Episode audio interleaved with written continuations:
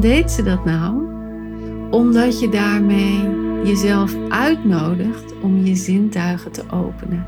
En om aan te komen op die plek, op dat bankje, te ontspannen en in een staat van overgave te komen, zodat je daarna die voorstelling ook op een hele andere manier tot je neemt. Welkom bij de Sensueel Belichaamd Leiderschapspodcast met Janneke Robers. Dit is de podcast voor vrouwelijke coaches en leiders die zichzelf willen bevrijden van eeuwenlange conditioneringen die hen klein houden. En de podcast die je ondersteunt in het ontwaken van je volle vrouwelijke potentieel. Welkom in mijn hoofd, hart en bekken.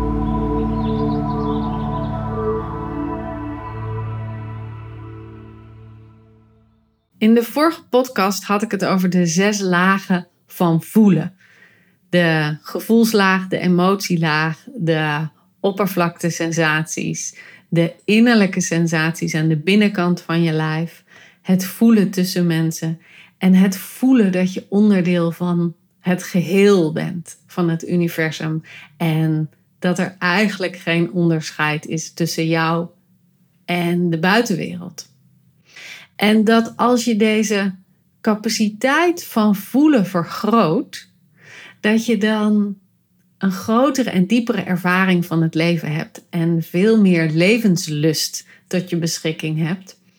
En dat het je ook helpt om je klanten sneller te laten voelen wat er gaande is bij hen. Dus als jij contact maakt met jouw lagen van voelen in je lijf, dan zakt je klant daar ook sneller naartoe. En natuurlijk kwam van jullie gelijk de vraag: maar hoe doe je dat dan? Ja, dat is een vraag die ik echt zo ontzettend vaak krijg. Hoe dan, hoe dan, hoe dan? En mijn antwoord is eigenlijk altijd: voel dan, voel dan, voel dan. Want het antwoord zit niet in het brein, het antwoord zit in het lijf. Het zit in de mate waar wij ruimte maken om die gevoelslaag te openen en de wijsheid die door die gevoelslaag heen komt op te diepen. Maar ik wilde wel in deze podcast even de tijd nemen om je uit te leggen hoe ik dat doe in mijn begeleiding en hoe jij dat zou kunnen doen in jouw begeleiding. En als je geen begeleider bent, hoe je dit in jezelf kunt wakker maken en in kan zetten in contact met andere mensen.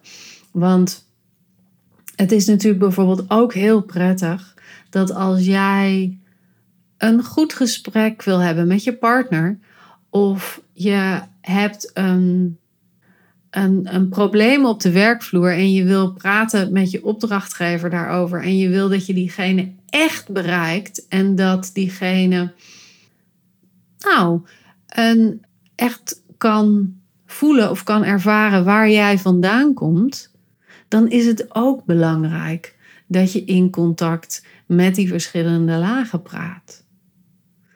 Want als jij dat doet, kan de ander met wie je een gesprek hebt daar ook komen. En anders heb je alleen maar een hoofd-tot-hoofd gesprek en mis je die diepere laag, mis je die diepere verbinding tussen jullie. Dus dat is waar ik het deze podcast met je over wil hebben. Nou, als eerste is het belangrijk om te weten dat ieder mens een sensorisch voorkeurkanaal heeft. En wat bedoel ik daar nou mee? Nou, wij zijn zo gebouwd dat we op verschillende lagen informatie van buiten tot ons krijgen. Ik heb het vaak over dat je je zintuigen hebt in te zetten om de wereld om je heen te begrijpen. En dat sensualiteit, het op en top genieten met dat, van dat wat je zintuigen je vertellen is. En die zintuigen, die werken visueel, dus je kunt dingen zien in je omgeving. Ze werken kinesthetisch, dus dat gaat over voelen. Olfatorisch, dat is dat je hoort. Je hebt bijvoorbeeld een heel goed gevoel voor muziek of voor de subtielste klanken in je omgeving of het tikken van de verwarming, dat hoor je heel gelijk. Nou, ik heb dus helemaal geen gevoel voor geluid. Ik kan een ruimte binnenkomen en er staat Madonna op en dan zeg ik, hmm, deze ken ik. Wie is dat ook alweer? Weet je wel? Ik heb dus echt geen muziekgehoor. Ik heb wel een heel kinesthetisch gehoor. Dus dat tikken van de verwarming, dat zou ik voelen in mijn lijf. Ik voel dat niet met mijn oren, maar ik voel dat echt in mijn lijf. Als het ware alsof dat tikt tegen mijn borstkas aan. Nou, dan heb je ook nog gusta, uh. Dat is dat je heel goed kunt proeven. De vijf verschillende zintuigen waarmee je dingen in je omgeving kunt binnen laten komen bij jezelf. En als je dit weet, en als je weet dat mensen verschillende voorkeurskanalen hebben en dat jij dus ook een voorkeurskanaal hebt, dan is het dus slim om je te trainen om die verschillende kanalen in te zetten. Dus als ik iets vertel, dan. Nou, laat ik even een voorbeeld doen. Heb ik al vaker gezegd dat als ik hier podcast opneem, dan zit ik aan mijn bureau. Ehm, meestal leun ik met mijn ruggengraat tegen de rugleuning aan van mijn stoel. En terwijl ik aan het vertellen ben, kijk ik naar buiten. En in dit geval is het uh, heerlijk warm weer buiten. Dus ik, ik zit hier ook echt te hopen dat mijn podcast snel klaar is en dat ik naar buiten kan en kan genieten van dit heerlijke voorjaarszonnetje dat er nu eindelijk is. En ik kijk uit over het water. Ik zie de, de eenden zwemmen. Er zitten aalscholvers hun vleugels te drogen op de tak die in het water is gevallen. En ehm, nou, er zijn vandaag nog eigenlijk geen treinen voorbij gekomen. Dat is wel boeiend. Misschien, uh, misschien liggen de treinen plat. En als ik hier zit te podcasten, dan kijk ik zo naar buiten en heb ik ook een bepaalde ervaring van de geur die er buiten is. Ik kan het niet ruiken, maar doordat ik naar buiten kijk, heb ik wel een bepaald gevoel in mijn lijf over dat er net zo die voorjaarsgeuren wakker worden. Er zit zo'n heel zoetig zweempje in de lucht. Nou, ik heb dit nu een klein stukje verteld over hoe ik hier zit. En als het goed is, heb ik heel veel verschillende van die sensorische factoren in dit verhaal meegenomen. Het enige wat ik niet heb verteld is hoe het zou proeven. Dat is ook wel een lastige. Er zijn niet heel veel mensen die een voorkeurskanaal voor proeven hebben. Maar het is er wel eentje die heel snel werkt op je hersens. Net als geuren, die kunnen je ook direct terugbrengen in een ervaring. Stel je voor dat je ooit in India bent geweest, ben ik nooit geweest. Met name omdat ik denk dat dat heel veel impact zou hebben op mijn, uh, op mijn systeem. Omdat, het, uh, omdat ik nogal hoor van iedereen dat het zoveel geluiden, geuren, klanken, van alles en nog wat heeft. Maar ik kan me wel voorstellen dat er bepaalde geuren zijn die je direct terugbrengen naar die reis als je ze hier in Nederland weer ruikt. En dat is met dingen die je proeft ook zo. Ik was laatst bij de voorstelling van Boukje Zwijgman. En voordat we de zaal ingingen, kreeg je een bakje met net gegoten chocolade erin. Met allemaal, ja, volgens mij waren het een soort van bloemetjes, hibiscus, blauwe lotus. En nog wat kruiden zaten erin, in die chocola.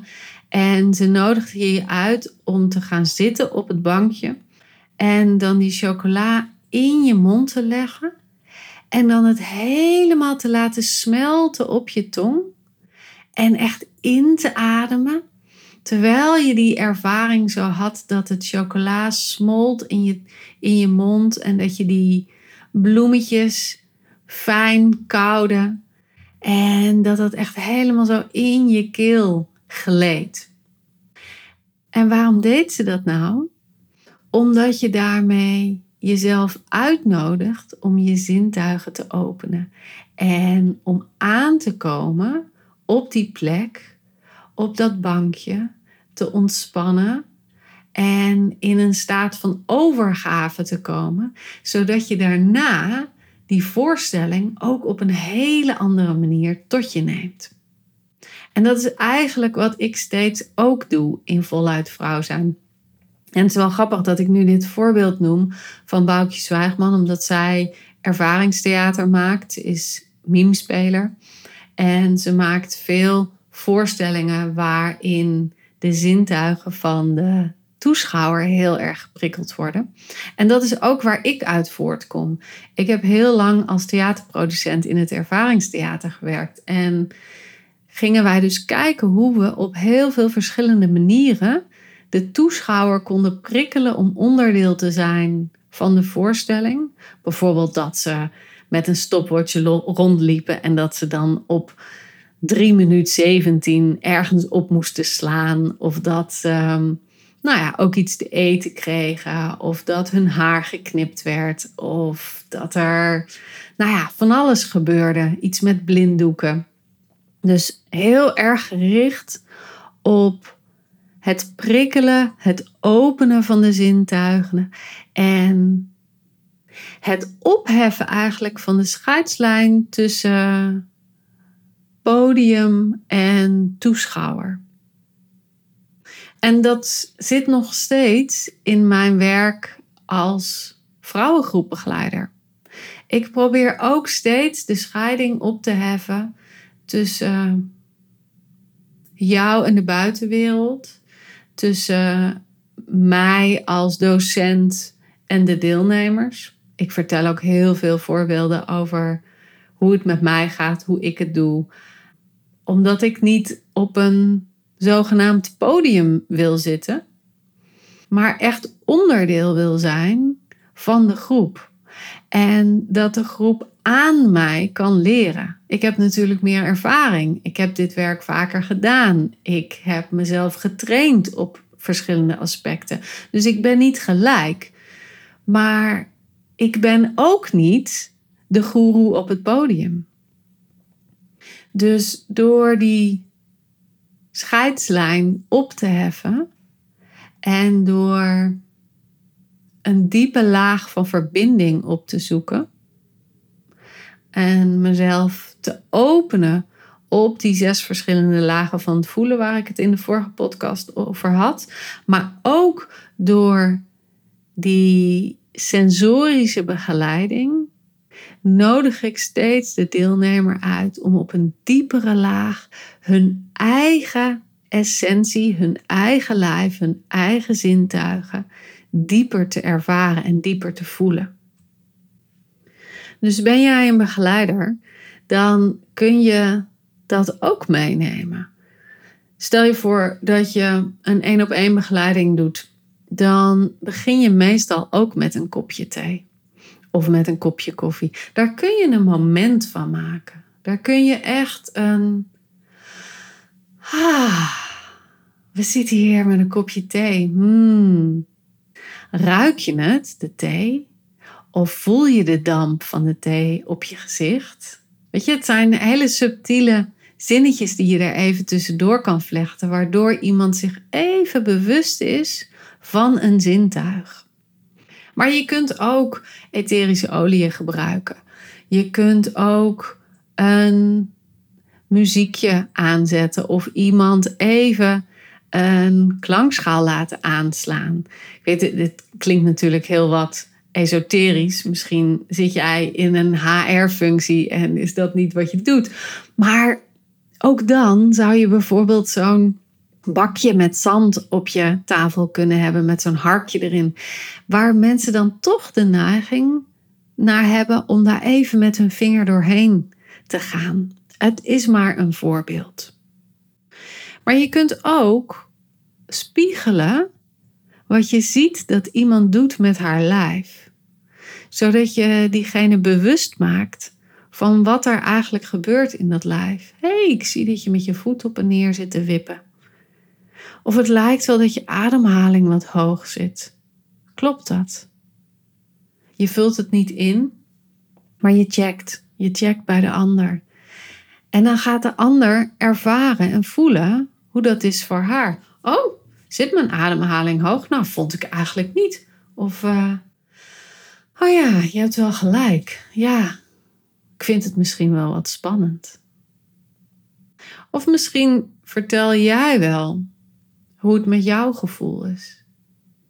Jeetje, ik, uh, ik heb wel uit zitten kijken naar dit gesprek, maar ik vond het ook lastig. Want ik wist niet zo goed waar ik moest beginnen. En dat maakte dat ik het steeds voor me uitstelde en, en ik zo'n klomp in mijn buik kreeg.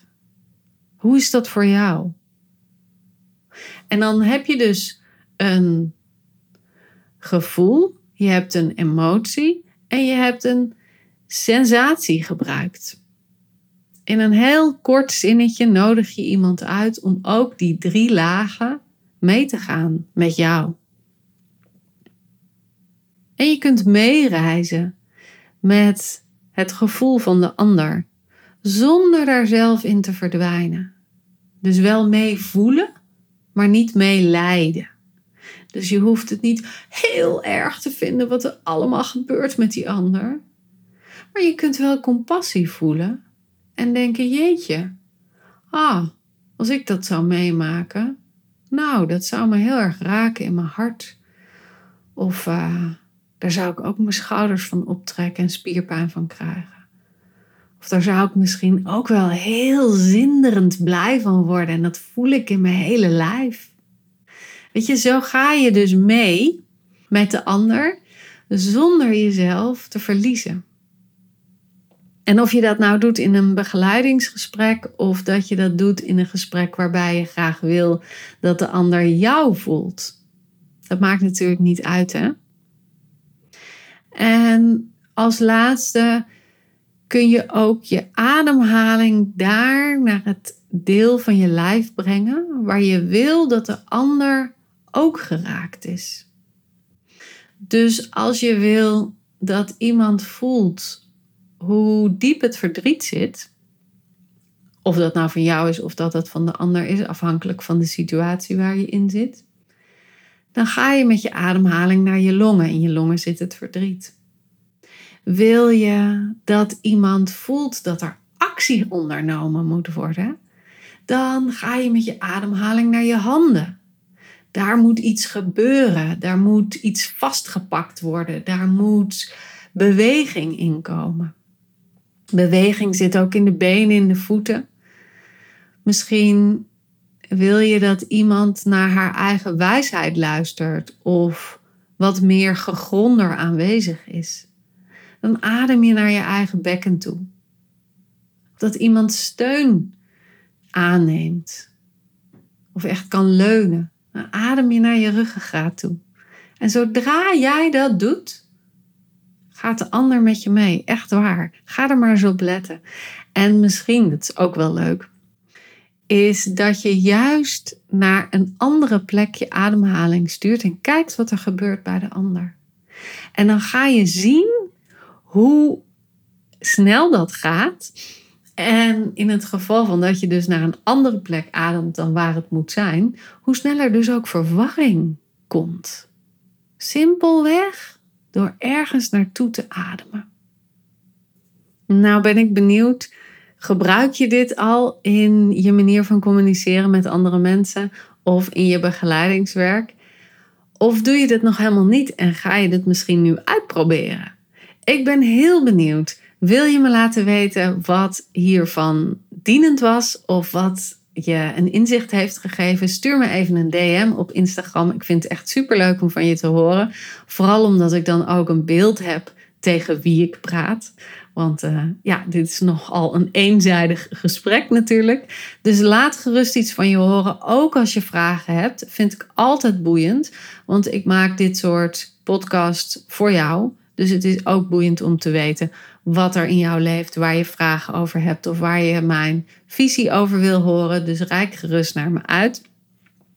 En vind je mijn informatie boeiend? Raakt het iets en wil je een persoonlijke begeleiding van mij op het meer inwezig zijn in je eigen lijf en sensueel belichaamd leiderschap nemen over jouw leven, over je werk, over je relaties en vooral jouw volle vrouwelijke capaciteit in kunnen zetten in je leven.